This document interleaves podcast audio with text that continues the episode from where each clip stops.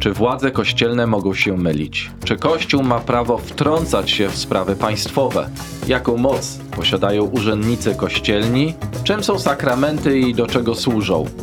To pytanie, na które odpowiada Westminsterskie Wyznanie Wiary z 1646 roku, napisane przez ponad 100 najwybitniejszych brytyjskich teologów protestanckich ery nowożytnej i do dzisiaj jest uznawane za jeden z najważniejszych wyznaczników wiary dla prezbiterian i ewangelików reformowanych na całym świecie.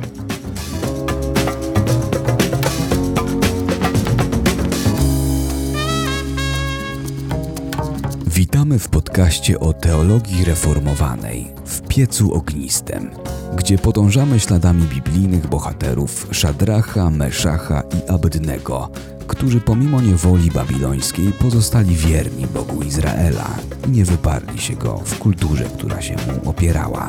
Z poszanowaniem polskiej tradycji i historii szukamy miejsca dla chrześcijaństwa wiernego Słowu Bożemu i wyznaniom wiary przyjętymi przez kościoły reformowane Rzeczpospolitej obojga narodów XVI wieku, a dzisiaj częściowo zapomnianych lub źle zrozumianych.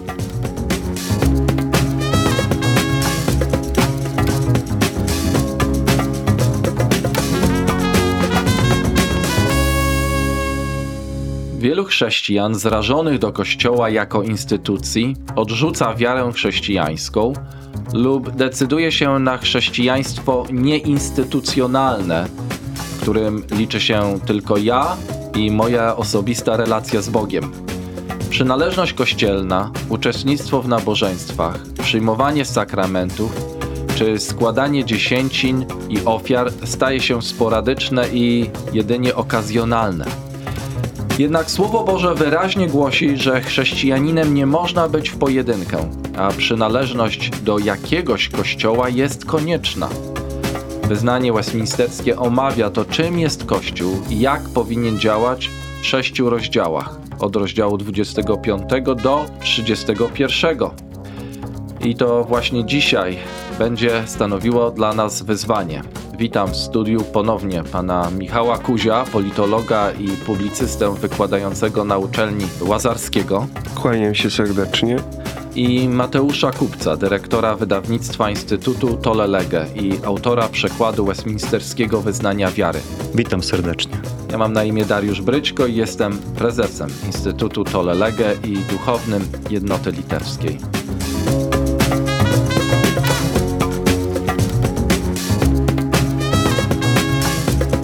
Konfesja dokonuje ciekawego rozróżnienia na Kościół widzialny i niewidzialny. To rozróżnienie jest nam dzisiaj zupełnie obce, ale jest fundamentalne dla reformowanej eklezjologii. Na czym polega to rozróżnienie na Kościół niewidzialny i Kościół widzialny? Więc kiedy mówimy o Kościele niewidzialnym, to myślimy o wszystkich ludziach w całej historii ludzkości, także tych, którzy żyją teraz, także tych, którzy będą żyć później, którzy są wybrani przez Boga do zbawienia. I oni nazywani są oblubienicą Chrystusa, Jego żoną, Jego ciałem, pełnią tego, który sam wszystko we wszystkim wypełnia. Czyli to są wszyscy prawdziwie wierzący, ci, którzy zostali wybrani przez Boga. Którzy... Ci ze Starego Testamentu, ci z Nowego Testamentu. Ci... Dokładnie. Wszyscy, którzy kiedykolwiek żyli, żyją i żyć będą. Natomiast Kościół widzialny to jest to, co my obserwujemy obecnie. To są ludzie, którzy mówią, że są chrześcijanami. Nie wiemy, czy rzeczywiście mają Ducha Świętego, są odrodzeni przez tego Ducha i że są wybrani. Tego nie wiemy, ale oni wyznają, że są chrześcijanami, więc zaliczają się do Kościoła widzialnego. I ten Kościół widzialny mówimy, że jest królestwem Pana Jezusa Chrystusa, że jest domem Bożym, że jest rodziną Bożą. I w tym domu, i w tej rodzinie, i w tym królestwie Pan Jezus jest królem i głową. Ja jeszcze dodam, że to są ci, którzy wyznają, mówią, że są wierzący i ich dzieci, no bo, no bo te dzieci przez to, że wychowują tak, się w rodzinach dodać.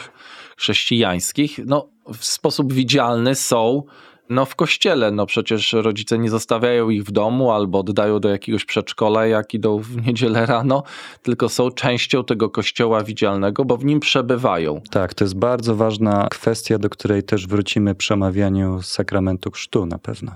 I teraz oba te kościoły są katolickie w znaczeniu powszechne, czyli składają się z ludzi z całego świata, tak? z różnych miejsc, z różnych narodów. Tak, lud Boży w Starym Testamencie, czyli Kościół w Starym Testamencie, możemy powiedzieć, nie był powszechny, nie był katolicki, ponieważ ograniczał się do narodu izraelskiego, do Żydów. Natomiast w Ewangelii, kiedy przyszedł już Chrystus, zarówno Żydzi, jak i poganie mogą być częścią Kościoła i dlatego jest on powszechny. Dotyczy wszystkich narodów. Każdy człowiek, który wyznaje Jezusa Chrystusa, nieważny od narodu, z którego pochodzi, jest częścią Kościoła powszechnego. To łączy się również z bardzo ważnym przykazaniem, jeśli chodzi o praktykę kościołów, które przecież zawsze funkcjonują w jakimś kontekście kulturowym i narodowym, czy przykazaniem, zaleceniem konfesji westminsterskiej, kościoły nie mogą nigdy stawać się instytucjami, które wykluczają ludzi ze względu na ich narodowość, na ich pochodzenie, na ich rasę. W kościołach protestanckich słynna była słynną debatą dotyczącą takich teologów jak Dietricha Bonhoeffera, był ich stosunek do kwestii rasy w czasach III Rzeszy w Niemczech.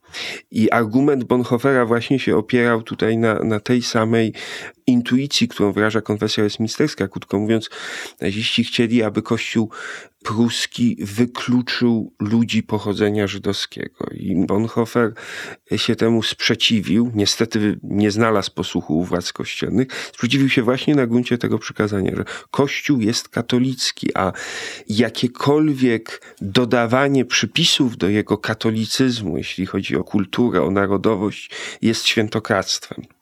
I Bonhoeffer przypłacił ten swój protest śmiercią. Został poddany egzekucji na kilka dni przed skończeniem się II wojny światowej, między innymi za spiskowanie zamachu na, na Hitlera. Czyli nie ma Żyda ani Greka, ani Polaka, ani y, Niemca, jeśli chodzi o Kościół. I Kościół musi być katolicki, żeby był chrześcijański. Protestanci w Polsce nie lubią tego słowa katolicki, bo im się ono źle kojarzy, ale tutaj trzeba podkreślić, że, że to jest dobre słowo. Jedyne co protestanci i konfesja będzie odrzucać, to tą rzymskość katolicyzmu, która w ogóle czasami no, no, wydaje się nie mieć sensu, bo jeżeli coś jest rzymskie, to jak może być katolickie? Odwrotnie, katolicko-rzymski, katolicko-genewski, katolicko-warszawski, to, to miałoby sens. Odwrotnie wydaje się to wręcz no, sprzeczne. Czyli mamy e, kościół niewidzialny, mamy kościół widzialny. Tutaj też, Michale, przed nagraniem też zauważyliśmy coś ciekawego, że, że to rozróżnienie na ten kościół widzialny, który składa się z tych, którzy wyznają, a niekoniecznie wierzą, to znaczy zakładamy, że wierzą. To nie ma tak, że można wyznawać i nie wierzyć, ale, ale do końca nie wiemy, czy wierzą. I jakby no unika jakiegoś takiego wnikania, że my na pewno wiemy, że ta osoba na 100% jest wybrana. Pojęcie wiary, zwłaszcza w teologii protestanckiej, a osobliwie w teologii reformowanej, wydaje mi się, że różni się od tego, jak dzisiaj słowo wiara, wierzy jest używane w języku potocznym. Bo kiedy my mówimy, że ktoś wierzy, to często znaczy po prostu, że wyznaje. Natomiast teologicznie te dwa pojęcia no, zawodowi teolodzy rozróżniają. No to poza którym kościołem nie ma zbawienia? Jest takie ogólne stwierdzenie, które przyjęło się od czasów wczesno, wczesnego chrześcijaństwa, że poza kościołem nie ma zbawienia. Jak konfesja się ustosunkowuje, bo używa tego stwierdzenia? Tak, można powiedzieć, wielu, no wielu powie, że jest to kontrowersyjne stwierdzenie. Wszyscy pewnie zgodzilibyśmy się, że poza Kościołem niewidzialnym nie ma zbawienia, ponieważ Kościół niewidzialny to wszyscy wybrani. Ale może nie wszyscy zgodziliby się, że poza Kościołem widzialnym nie ma zwyczajnej możliwości zbawienia, jak to określa y, westminsterskie wyznanie wiary. No mówimy tutaj zwyczajnej możliwości, ponieważ y, no oczywiście są pewne nadzwyczajne sytuacje, jak przypadek niemowląt, które też mogą być częścią Kościoła niewidzialnego i mogą być zbawione, czy, czy osoby, które są y, umysłowo niezdolne, żeby usłyszeć Ewangelię, albo które znajdują się w regionach, gdzie po prostu nie ma kościoła. Są y, chyba tutaj autorzy wyznania po prostu zostawili drzwi otwarte na wszelkiego rodzaju takie sytuacje nieregularne. Y, Tak. Natomiast regularną sytuacją jest, że jeśli człowiek rzeczywiście jest wierzący, to będzie słuchał głosu swojego Pana Jezusa Chrystusa, który powiedział: Miłujcie siebie nawzajem. Po tym ludzie poznają, że jesteście uczniami moimi, jeśli miłość do siebie wzajemną mieć będziecie.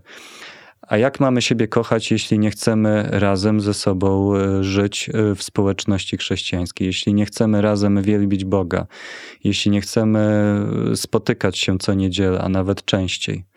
Wydaje mi się, że, że, że, wiele osób jeszcze gotowa jest się spotykać, tam, czy online, czy pójść na jakieś fajne nabożeństwo, no ale już wstąpić do, do kościoła jako członek, czy no, być częścią no, kościoła jako organizacji, to jest dzisiaj to, co, co budzi niepokój. Myślę, że trudne jest połączenie dwóch elementów, bo trochę podróżując po, po Europie, po Stanach, mieszkałem w Niemczech, mieszkałem w Stanach Zjednoczonych, zauważyłem, że są jakby takie dwie tendencje, jeśli chodzi o kościoły protestanckie, że albo to jest spotykanie się właściwie dla samego spotykania, połączenie klubu dyskusyjnego y, z takim towarzystwem, które od czasu do czasu zjada razem posiłek, młodzi ludzie mogą poznać potencjalnego partnera i tego typu rzeczy.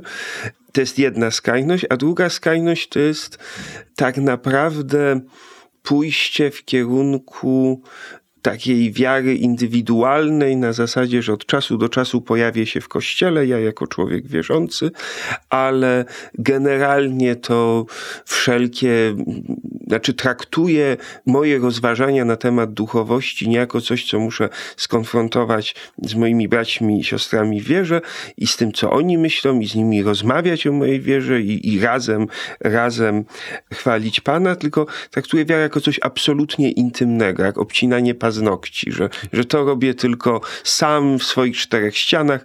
Czasami się pojawię w kościele, ale tylko od wielkiego dzwonu. I nikomu, nikt nie ma prawa się wtrącać do tej mojej relacji, a tym bardziej jakaś organizacja i kościół. I, i, i to przekonanie ja, ja rozumiem, bo ono wypływa z tego powodu, że dzisiaj wiele kościołów instytucjonalnych, organizacyjnie, no po prostu zawodzi.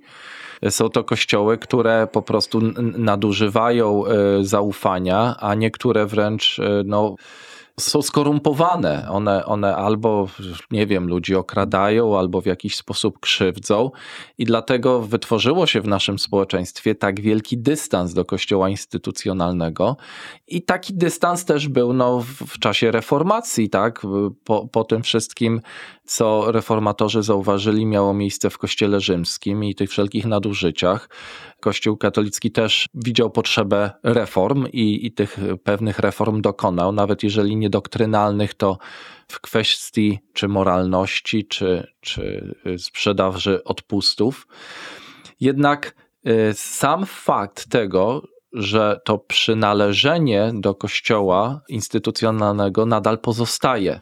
Nawet jeżeli wiąże się z tym, że dany chrześcijanin no, kilka kościołów organizacyjnych w życiu będzie musiał zaliczyć. Tym sensie, że jeżeli kościół, w którym jest, nie pozwala mu wielbić Boga w sposób biblijny, to musi się liczyć z tym, że on z tego kościoła będzie musiał wystąpić i strzepnąć, że tak powiem, pył ze swoich butów i pójść do kościoła, gdzie ten Bóg jest uwielbiany w sposób biblijny. I konfesja tutaj mówi o tak zwanych zwyrodniałych kościołach Mateuszu, użyłeś, wydaje mi się, bardzo trafnego tutaj słowa, żeby przymiotnika, żeby określić te kościoły. Czy możemy przeczytać ten artykuł? 25 rozdział, 5 artykuł. Nawet najczystsze spośród kościołów, jakie są pod niebem, narażone są zarówno na pomieszanie, jak i na błąd. Niektóre zaś uległy takiemu zwyrodnieniu, że stały się nie kościołami Chrystusa, lecz synagogami szatana. Mimo to zawsze będzie na ziemi kościół, w którym wielbi się Boga zgodnie z Jego wolą.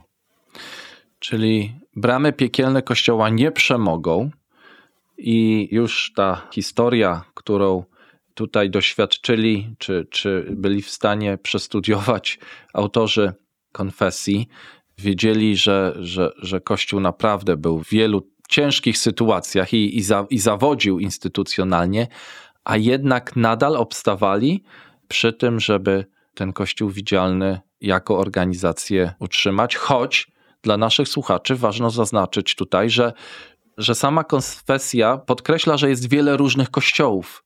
Tak, to jest chyba bardzo ciekawe dla naszych słuchaczy, którzy wychowani w takim zrozumieniu, że Kościół to jest właściwie no, Kościół jest matką w katolicyzmie i właściwie poza, poza konkretną, znaczy w myśl katolickiej teologii to zawsze jest bardzo silnie akcentowane.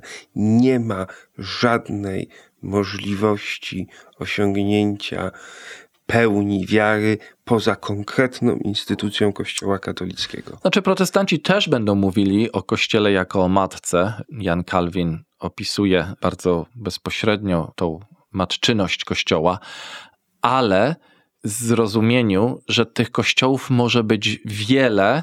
Jest jeden tylko kościół, ten niewidzialny katolicki, tutaj się zgadzamy, kościół jest jeden, ale przejawia się on instytucjonalnie, widzialnie w różnych kościołach. Kościołach zróżnicowaniu na narodowość, w kościołach zróżnicowany na pewne różnice teologiczne, i dlatego to, co jest wyjątkowe w tej konfesji, to podkreślenie tego, to jest taka pewna ekumeniczność tej konfesji, pokazująca to, że do tego zbawienia można przystąpić w wielu różnych kościołach, a te kościoły będą się od siebie różniły tym, że jeden będzie miał więcej błędów, a drugi będzie miał mniej błędów, ale w pewnym momencie, jeżeli tych błędów będzie więcej niż mniej, to ten kościół przestaje być kościołem prawdziwym, a staje się synagogą szatana. I teraz, jak kościół prawdziwy, widzialny można zidentyfikować? Jakie są trzy główne znaki prawdziwego kościoła widzialnego? No, konfesja, kiedy mówi o czystości kościoła, mówi o, o tym, jak naucza się i przyjmuje Ewangelię, jak pełni się posługę ustaw Bożych, czyli tutaj mówimy o sakramentach, o których też e, za chwilę będziemy rozmawiać. W tym drugim punkcie zawiera się też kwestia dyscypliny kościelnej, ponieważ nie można w sposób właściwy pełnić posługi e, sakramentu wieczerzy pańskiej, jeśli nie jest to połączone z odpowiednią dyscypliną kościelną, ponieważ nie można dopuszczać osób, które jawnie grzeszą, trwają w grzechu, nie można dopuszczać do tego sakramentu. Więc mówimy tutaj o trzech, o trzech znakach: o, o, o dyscyplinie kościelnej, o, o prawidłowym sprawowaniu sakramentów, no i o czystości nauki. I chyba w tym trzecim punkcie jest y, to jest moje subiektywne spojrzenie na, na współczesne chrześcijaństwo, jest najtrudniej, pierwsze o to, żeby się zgodzić, czym jest czystość nauki, po drugie o dochowanie jej, nawet jeśli, jeśli już się zgadzamy. Bo ja wrócę bardzo króciutko do tej mojej dygresji na temat moich osobistych doświadczeń. To, co mnie bardzo uderzyło w kościołach, zwłaszcza niemieckich, nie chcę tutaj jakoś ich stawiać y, pod pręgierzem, ale tak się złożyło, że odwiedziłem kilka kościołów w Niemczech i w końcu trafiłem do takiego podczas mojego pobytu w tym kraju, który mi odpowiadał, ale w kilku, w kilku faktycznie się zdarzyło coś takiego, że właściwie pastor i zborownicy mieli tyle do powiedzenia o najróżniejszych sprawach politycznych, że w ogóle, dosłownie w ogóle nie starczyło miejsca na to, żeby rozmawiać podczas nabożeństwa o Piśmie Świętym. I to było dla mnie szczególnie uderzające jako dla zawodowego politologa, wtedy dyplomaty, który się na co dzień zajmuje polityką, codziennie musi przewracać strony tych gazet i przychodzi do kościoła i zamiast spojrzeć w innym kierunku, mieć kontakt z tą wyższą, inną rzeczywistością, to znowu słyszy o deklaracji praw człowieka, o takim kryzysie, o owym kryzysie, o ekologii, o y, y, falach migracyjnych itd., itd., itd. I to są oczywiście ważne sprawy, ale w końcu właściwie jest tylko malutki jakiś tam dwa zdania z Ewangelii i koniec. Więc no, Ewangelia mówi, że szatan jest panem świata tego, więc no to może faktycznie, jeśli Kościół mówię subiektywnie, staje się skrajnie upolityczniony, nie mówiąc już o tym w jakim kierunku, to zmierza ku staniu się synagogą szatana w myśl definicji tego, kim szatan jest. Jest taki jeden artykuł, ja próbuję go znaleźć, gdzie konfesja mówi o tym, że władze kościelne mogą się mylić. Co więcej, że bardzo często się mylą.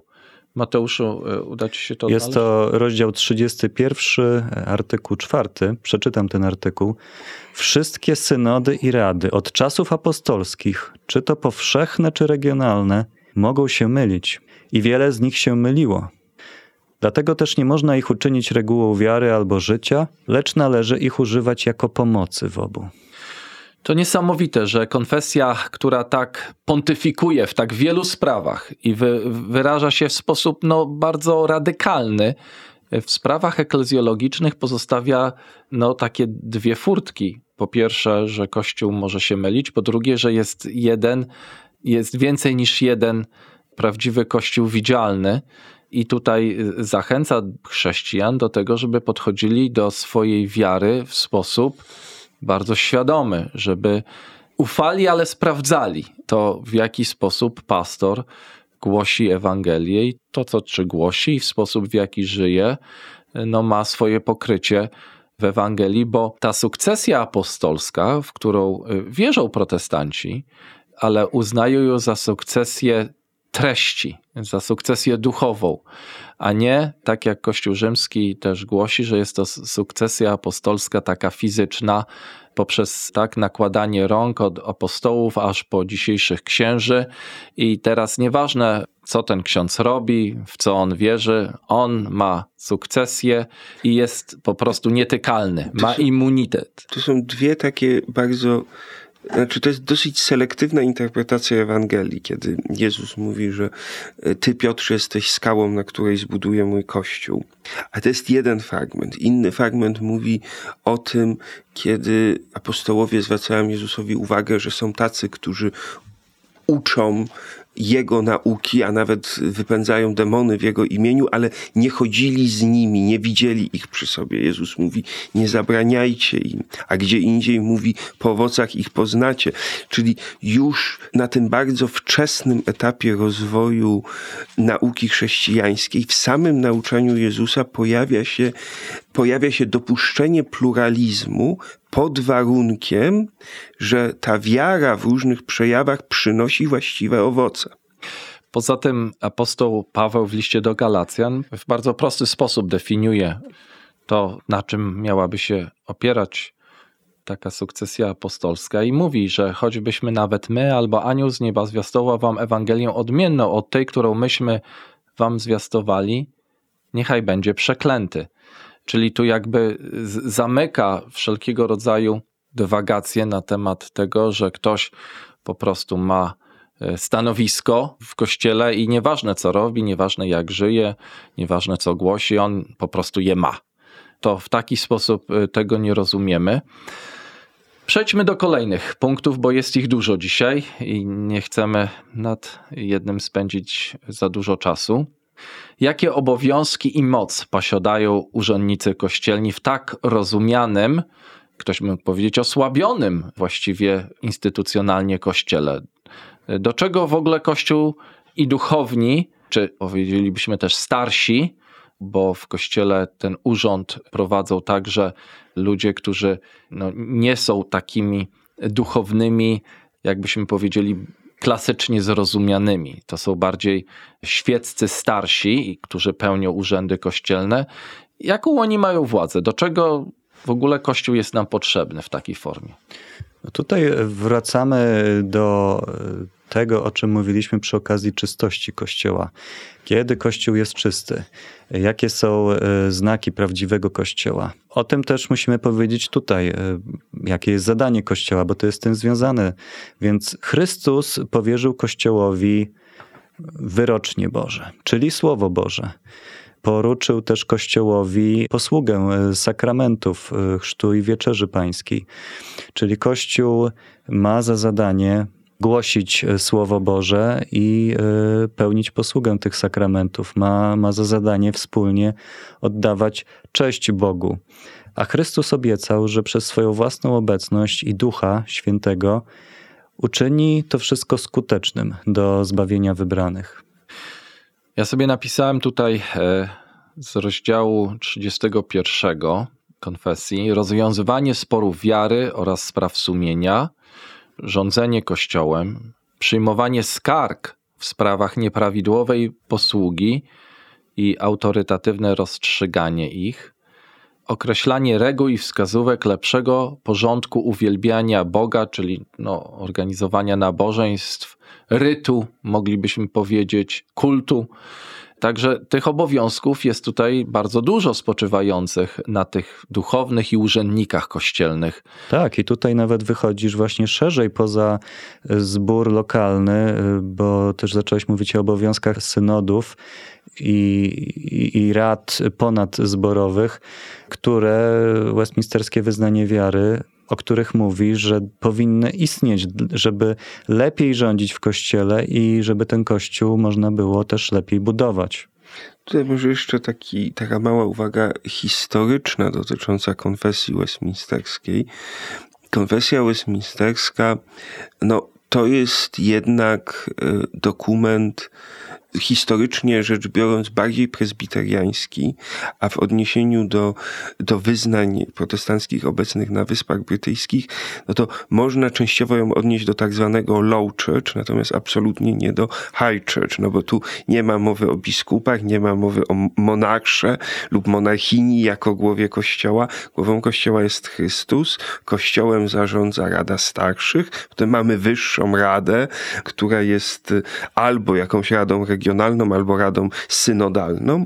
Y, I, I to jest właśnie taki bardzo kolegialny, typowy dla prezbiterianizmu sposób zarządzania kościołem, aczkolwiek również w protestantyzmie to warto podkreślić, istnieją inne, inne na pewno u, u Anglikanów z High Church, trochę inne u Luteran. To znaczy w ogóle moglibyśmy zreasumować to w takich trzech podstawowych ustrojach kościelnych, które oczywiście y, tutaj prezbiterianie będą mówili, że ten prezbiteriański, taki jaki właśnie opisałeś, będzie najwłaściwszy, ale z jednej strony mamy ten high church, episkopalny kościół, który właściwie w swoim ustroju y, przypomina kościół katolicki czy, czy prawosławny. Tylko jest Tylko... król, obecnie król Karol zamiast papieża, tak w największym tak, i, no i król Karol czy Elżbieta wcześniej, czy pierwsza, czy druga nie pełnią, no pełnią te funkcje tytularnie, nie, tak. nie, nie, angażują się bezpośrednio w, w zarządzanie kościołem, ale z drugiej strony mamy też już takie zupełnie, to, są, to jest ustrój kongregacyjny, taka pełna demokracja. Takim y, przykładem takiego kościoła będą y, wszelkie ruchy anabaptystyczne, czy kwakrzy, czy też w niektórych kościołach ewangelikalnych praktykuje się, że właściwie no, zbór y, kongregacyjnie podejmuje decyzje w danej sprawie i, i, i jest to mm, jakby taka. Jeśli chodzi o te wewnętrzne ustroje kościo- kościelne, to jest zabawna sprawa. Bo w Polsce, kiedy my, kiedy ja tłumaczę w Polsce komuś z mojej rodziny lub znajomym, jak działa mój kościół, to jego odruchowa reakcja kogoś przyzwyczajonego właśnie do takiego hierarchizmu rzymskokatolickiego jest taka, ach, no przecież to jest zupełna anarchia, to każdy robi co chce. Natomiast kiedy pójdę do kościoła w Stanach, takiego najczęściej występującego w Stanach, jest bardzo dużo kościołów kongregacjonistycznych, baptystycznych, ewangelikalnych i powiem, że jestem prezbiterianinem, o to już jest sztywna struktura, to słuchaj chłopie, to już tylko episkopalni są bardziej sztywni i tacy, tacy rigid niż, niż, niż ty. I, i, i faktycznie, no, faktycznie to jest punkt, punkt widzenia zależy od punktu siedzenia. Zawsze uważałem, że prezbiterianie starają się znaleźć taki złoty środek pomiędzy wewnętrzną demokracją kościelną, wolnością, powołaniem wszystkich, tak jak to powinno być, wszystkich y, wierzących do, do urzędu nauczyciela, do nauczania, a z drugiej strony, no jednak potrzebą pewnego ładu. Tak, sugerujesz tutaj, Michale, to co ja w, w, Polsce doświadczamy, tak? My, my, dla katolików, no to jesteśmy tak protestantami, tam heretykami i tak dalej, ale dla wielu protestantów, przez to, że właśnie podkreślamy y, sakramenty, podkreślamy organizację kościoła, chrzcimy niemowlęta, no to jesteśmy równie dobrze katolikami, tak? Czyli, tak, tak. Y, czyli jesteśmy w takim środkowym stanowisku i to środkowe stanowisko nie jest łatwe. Podobnie z ustrojem prezbiteriańskim, żeby kościołem mogło rządzić pewne gremium, to też to gremium trzeba jakoś stworzyć. A w Polsce, kiedy jest tak mało ludzi o nie tylko przekonaniach protestanckich, ale także przygotowanych odpowiednio do takiej posługi i nadających się, stworzenie takiego gremium nie jest łatwe. Także może to było łatwiejsze w krajach protestanckich w tamtym czasie, gdzie było wielu ludzi i przygotowanych i wykształconych, żeby pełnić takie funkcje. U nas ten, ten prezbiterianizm ustrojowy no jest jeszcze taką kwestią praktycznie ciężką w zastosowaniu. Ale my jesteśmy członkami jednoty litewskiej i ja muszę powiedzieć, że dla mnie pięknym doświadczeniem, również takim doświadczeniem duchowo-politycznym, było to, kiedy miałem pierwszy raz okazję uczestniczyć w synodzie w Birzach. Dlatego, że synod, na który wszystkie parafie wysyłają swoich delegatów, oni razem siadają i to są ludzie świeccy. Jest dobrą praktyką w kościołach prezbiteriańskich jest to, że inaczej niż u luteran, że na synody wysyła się prawie wyłącznie, no nie chcę tutaj popełnić błędu, to może w niektórych kościołach są odstępstwa od tej reguły, ale no w jednocie litewskiej, podobnie jak w polskim kościele ewangelicko-reformowanym, jest tak, że posyła się świeckich, to są delegaci świeccy, to są ludzie wzięci ze zborowników i im y, pastorzy starają się nic nie narzucać, wprost przeciwnie, to oni decydują o tym, w jakich ramach będzie się odbywała praca pastorów. To oni decydują o tym, często jacy pastorzy zostaną zatrudnieni, przyjęci do kościoła i tak dalej, i tak. I to jest, to jest piękne doświadczenie, które no, dla mnie, jako dla, dla kogoś, kto się zajmuje teorią polityczną, w piękny sposób tłumaczy, jak powinna się łączyć wiedza jednak z podmiotowością ludzi, którzy ten kościół budują. Bo to nie jest tak, że pastorzy tylko dlatego, że, że, że ukończyli studia teologiczne, po prostu tym kościołem rządzą. Nie, rządzą ludzie, ale oczywiście oni potrzebują też, też często rady i nauki od swoich pastorów. Kolejne pytanie, które chyba dla Michała też będzie tutaj pożywką, to pytanie, czy Kościół ma prawo wtrącać się w sprawy państwowe. Mówi o tym artykuł 5 z rozdziału 31. Mateuszu, czy mógłbyś go przeczytać? Synody i rady nie mogą zajmować się albo konkludować w żadnych innych sprawach, jak tylko w kościelnych.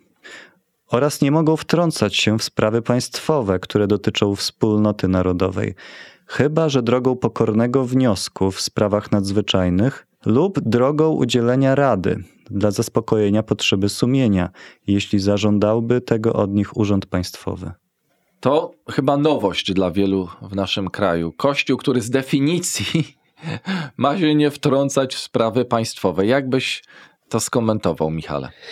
Tutaj jest bardzo ważna kwestia podniesiona, że Kościół może zabierać głos w sprawach moralnych, ale tylko wtedy, kiedy pojawia się potrzeba sumienia, więc tylko wtedy, kiedy naprawdę, e, znaczy w sprawach moralnych związanych z tak zwaną publiczną moralnością, czy też, czy też z politycznym wymiarem moralności. Ale tylko wtedy na forum takim, nazwijmy to politycznym, a tak naprawdę każde forum szersze niż czysto kościelne staje się z konieczności polityczne, możemy mówić, my możemy mówić o ważnych dla nas kwestiach, ale tylko wtedy, kiedy naprawdę czujemy, że jest taka potrzeba i tylko w tonie, w tonie pewnej porady udzielanej władzom politycznym. Myślę, że to jest bardzo słuszne i bardzo uniwersalne podejście, dlatego że chrześcijanie po pierwsze działają coraz częściej w różnych kontekstach kulturowych, po drugie zachodni kontekst kulturowy i polityczny jest coraz mniej chrześcijański. Jeśli my nie nauczymy się ze sobą funkcjonować w sposób pokojowy, no to, to niestety będziemy mieli, jak to, żeby zacytować Abrahama Lincolna, house divided, dom podzielony, a tego, tego należałoby uniknąć. Zatem tak różnie bywało z tym zaangażowaniem politycznym prezbiterian, szczególnie jeżeli patrzymy tutaj na Szkocję i, i wszelkie działania różnych prezbiterian, dosyć radykalne. Także te definicje ulegały tutaj zmianom i tak samo kościoły amerykańskie, ten rozdział państwa od kościoła, o którym chyba e, wspominałeś, Michale, ulegał zmianom i dostosowaniom. Niemniej ogólna postawa e, protestantów jest taka, że no, Kościół jest takim początkiem nowego królestwa, e, tego co ma nadejść. I tutaj te sprawy doczesne, prawo miecza, to się też e, nazywało w innych konfesjach w taki sposób, jest oddelegowane do władz świeckich. Czyli nie ma jakby tej chęci, która panowała w Rzymie, do tego, aby Kościół e, w jakiś sposób nadzorował władzę świecką, a jedynie prosi, zobowiązuje ją do tego, aby prawdziwy Kościół chroniła od prześladowań. Radzi, radzi. W, Stan w Stanach Zjednoczonych jest w ogóle ciekawa sytuacja, może ten temat na inną rozmowę, tej publicznej religii, tego minimalnego mianownika, to, że na każdym dolarze widnieje napis In God We Trust, ale to też już się pomału zmienia. Stany Zjednoczone też stają się coraz bardziej świeckim krajem, no a w świeckim kontekście to faktycznie przy większości kwestii spornych naj, najlepszą formułą wydaje mi się istotnie jest ta, którą zaleca konfesja westminsterska, czyli drogą udzielenia rady dla zaspokojenia potrzeby sumienia. Porozmawialiśmy o Kościele, to czym on jest, czym on nie jest. Porozmawiajmy o tym, co Kościół robi. Mówiliśmy o tym, że pilnuje porządku w Kościele, zajmuje się głoszeniem Słowa Bożego, ale chciałbym, abyśmy kolejnych kilka minut poświęcili na sakramenty. Słowo, którego w ogóle w Polsce protestanci, no, luteranie używają, ale, ale ewangeliczni chrześcijanie raczej nie, mówią o obrzędach. Tutaj reformowani obstają przy tym słowie. Czym są sakramenty i do czego służą? No więc w teologii reformowanej mówimy, że sakramenty są znakami i pieczęciami przymierza łaski. Co to znaczy? To znaczy są znakami, bo przedstawiają Chrystusa i przedstawiają korzyści, jakie od Chrystusa e, pochodzą dla nas. Ale są też pieczęciami, bo potwierdzają to, co zyskujemy w Chrystusie. I te święte znaki i pieczęcie są nadane bezpośrednio przez Boga. To nie człowiek je ustanowił, to Bóg je ustanowił. I te znaki mają też na celu zrobić wyraźną różnicę między tymi, którzy do ludu Bożego należą, a którzy nie należą. Tak jak w Starym Testamencie czytaliśmy przy okazji wyjścia czy wyprowadzenia ludu Bożego z Egiptu, kiedy Bóg zapowiedział, że pomrą wszyscy pierworodni w ziemi egipskiej, ale na nikogo z Izraelitów nawet pies nie warknie, cytując Pismo Święte. A było to, aby poznali, że Pan robi różnicę między Egipcjanami a Izraelitami. I podobnie teraz te święte znaki i pieczęcie, czyli sakramenty, robią różnicę pomiędzy ludem Bożym a tymi, którzy do tego ludu nie należą. Oczywiście trzeba tutaj dodać, że mają one na celu też w uroczysty sposób zobowiązywać wszystkich wierzących do służby Bogu, do życia zgodnie z Jego przykazaniami. Czy jest jakaś moc sprawcza w samych sakramentach lub w osobie, która je wykonuje? Więc jeśli y, ktoś został ochrzczony przez pewnego pastora i potem okaże się, że ten pastor no na przykład no dopuścił się jakiegoś ciężkiego grzechu, zdradził żonę, czy może nawet kogoś zamordował, czy ciężki grzech popełnił, to czy ten sakrament jest już nieważny, czy ta osoba ma na nowo się ochrzcić? No nie. Westminsterskie wyznanie wiary mówi, że łaska, która jest ukazywana i, i przekazywana w sakramentach, nie zależy od tego, który sprawuje ten sakrament, i, i żadna moc nie leży w, w sakramencie samym w sobie, tylko mówimy tutaj o działaniu Ducha Świętego. O tym wszystkim, o czym mówiliśmy w poprzednich odcinkach I to podcastu. jest chyba najważniejsze rozróżnienie pomiędzy protestancką sakramentologią a rzymskokatolicką sakramentologią. Że w naszej sakramentologii mówimy jednak, że sakrament jest znakiem łaski, ale nie samą łaską. Jest znakiem przymierza, ale nie samym przymierzem. Jest znakiem obecności Boga, ale nie jest dosłownie Bogiem. Natomiast w przypadku no, koncepcji, w której sakrament Wieczerzy Pańskiej staje się komunią, czyli staje się dosłownie ciałem Boga, no to dokonujemy jego ubóstwienia, co w naszej teologii jest niemożliwe. Sakrament sam w sobie nie posiada siły. Ta siła jest w Duchu Świętym, który nadaje temu sakramentowi znaczenia i wypełnienia w naszym życiu. No to w takim wypadku, czym jest sakrament chrztu i kogo należy chrzcić? Więc w przypadku sakramentu chrztu mówimy o uroczystym przyjęciu tej osoby, która jest chrzczona do kościoła widzialnego. I y, ten sakrament jest, no tak jak już mówiliśmy, znakiem i pieczęcią przymierza łaski, czyli jest znakiem dla tej osoby, że jest wszczepiona w Chrystusa, odrodzona, że jej grzechy są odpuszczone i że powinna oddać się w Bogu na służbę zgodnie z Jego przykazaniami. Ale niekoniecznie w tym momencie, kiedy ten sakrament jest udzielany, tak jak ma to miejsce w przypadku niemowląt, ponieważ niemowlęta no, nie są zbawiane aktem chrztu, kiedy są chrzczone jako małe dzieci, a dopiero do tego zbawienia dochodzi, kiedy publicznie wyznają swoją wiarę i wtedy tylko do tej wieczerzy pańskiej e, mogą przystąpić, która jest tym, pierwszy sakrament jest tym sakramentem inicjacyjnym do rodziny Bożej, do Kościoła Widzialnego, a drugi jest tym sakramentem potwierdzającym przynależność i, i utrzymującym tak dalej. E, chrzcimy się raz, wieczerzę pańską przyjmujemy wielokrotnie czuję, przepraszam, jeśli tutaj pozwolę sobie na, na taką małą uwagę osobistą, że podświadomie odpowiadasz, Dachku, na krytykę baptystów. E, Dobrze to wyznania, wyznania e, właśnie prezbiteriańskiego, wyznania ewangelicko-reformowanego, bo ona właśnie dotyczy w dużym stopniu rozumienia sakramentu chrztu. Czy bez chrztu można być zbawionym lub czy chrzest zapewnia zbawienie? No, tak jak, tak jak już mówiliśmy, chrzest nie ma sam w sobie mocy sprawczej. To Duch Święty y, działa w człowieku. Więc oczywiście może się zdarzyć i zdarza się, że osoby, które zostały ochrzczone, no nie są wybrane i nigdy nie zostały odrodzone i nie są zbawione.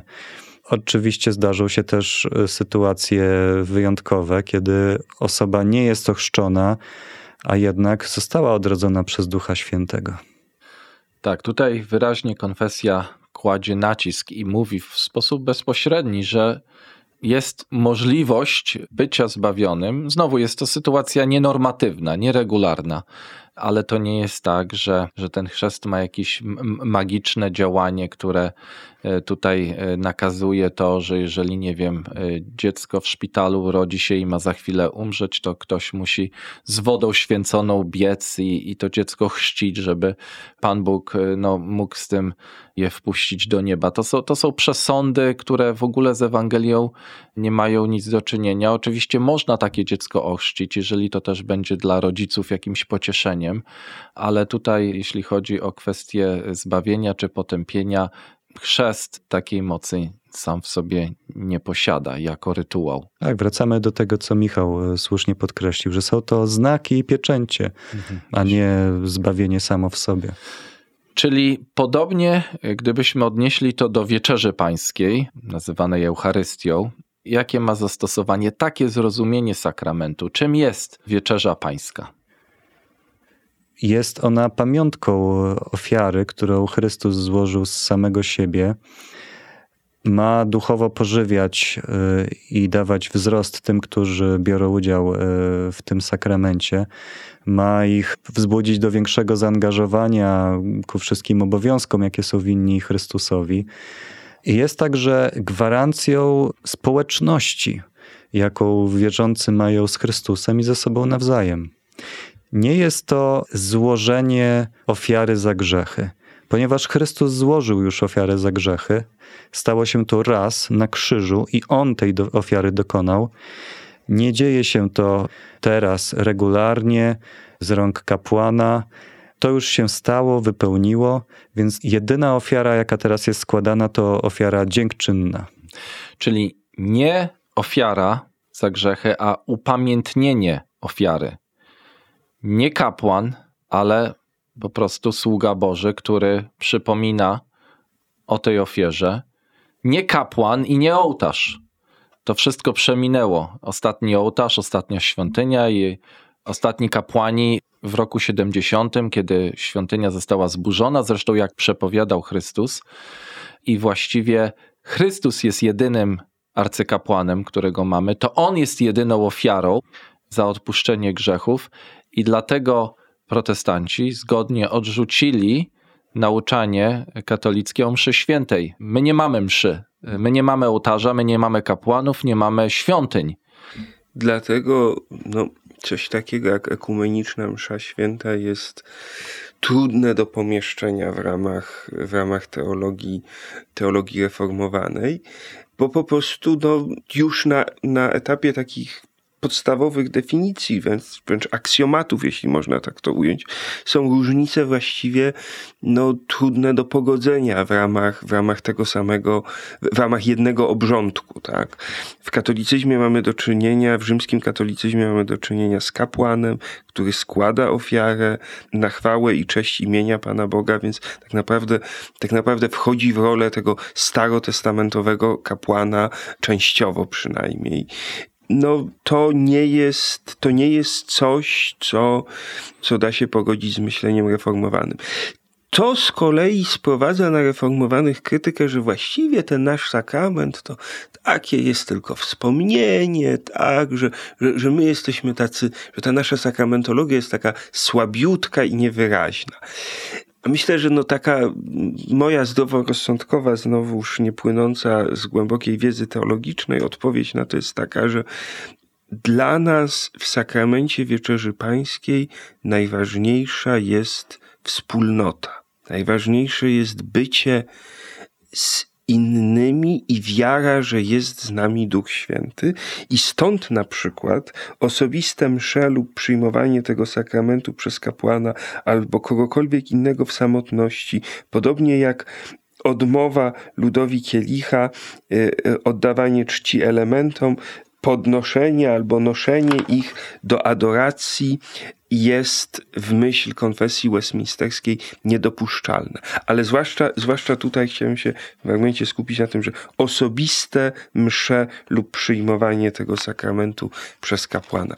Nie jest możliwa wieczerza pańska w samotności, bo nie po to została jako sakrament ustanowiona. Ona jest w sensie dosłownym sakramentem krzyża, która łączy ze sobą ludzi, ale też ludzi łączy z niebem. I wieczerza pańska w takim klasycznym zrozumieniu reformowanym i nie jest tylko wspomnieniem. To tutaj takie bardziej zwingliańskie, Zwingli też był y, oczywiście reformatorem i, i to zrozumienie typowego wspomnienia, bardziej popularne w kościołach ewangelikalnych, jest do przyjęcia. Niemniej tym dominującym zrozumieniem Wieczerzy Pańskiej będzie duchowa obecność Chrystusa w sakramencie i to duchowe, duchowa społeczność Chrystusa z ludem Bożym, o którym mówiłeś, Michale, jest bardzo ważnym dla tradycji reformowanej i odróżnia ją od zrozumienia luterańskiego i oczywiście zrozumienia katolickiego, które głosi przeistoczenie elementów, które wszyscy protestanci zgodnie odrzucają i odrzucają dlatego, ponieważ obawiają się, że prowadzi ono po prostu do bałwochwalstwa. Protestanci dyskutują do dzisiaj pewnie, co tak naprawdę ma miejsce w czasie Wieczerzy Pańskiej, jednak tutaj, tak jak powiedziałem, większość reformowanych widzi, że obecność Chrystusa duchowa w wyjątkowy sposób podczas Wieczerzy Pańskiej jest tym elementem kluczowym. A dlaczego Chrystus nie przebywa w ciele, w opłatku, w winie? No dlatego, że Chrystus przebywa teraz obecny fizycznie no w jednym miejscu, po prawicy Ojca. Skąd ma przyjść ponownie? I tego przyjścia wszyscy chrześcijanie oczekujemy i podczas każdej wieczerzy pańskiej wręcz modlimy się o to, aby ten Chrystus, który teraz duchowo z nami wieczerza, przyszedł fizycznie i wieczerzał z nami już w ciele, żeby to wspomnienie Jego ofiary przerodziło się w uroczystość zaślubienia Kościoła z oblubieńcem, żeby przerodziło się w uroczystą, powiedzielibyśmy dzisiaj, imprezę świętującą nasze odkupienie i perspektywę życia wiecznego.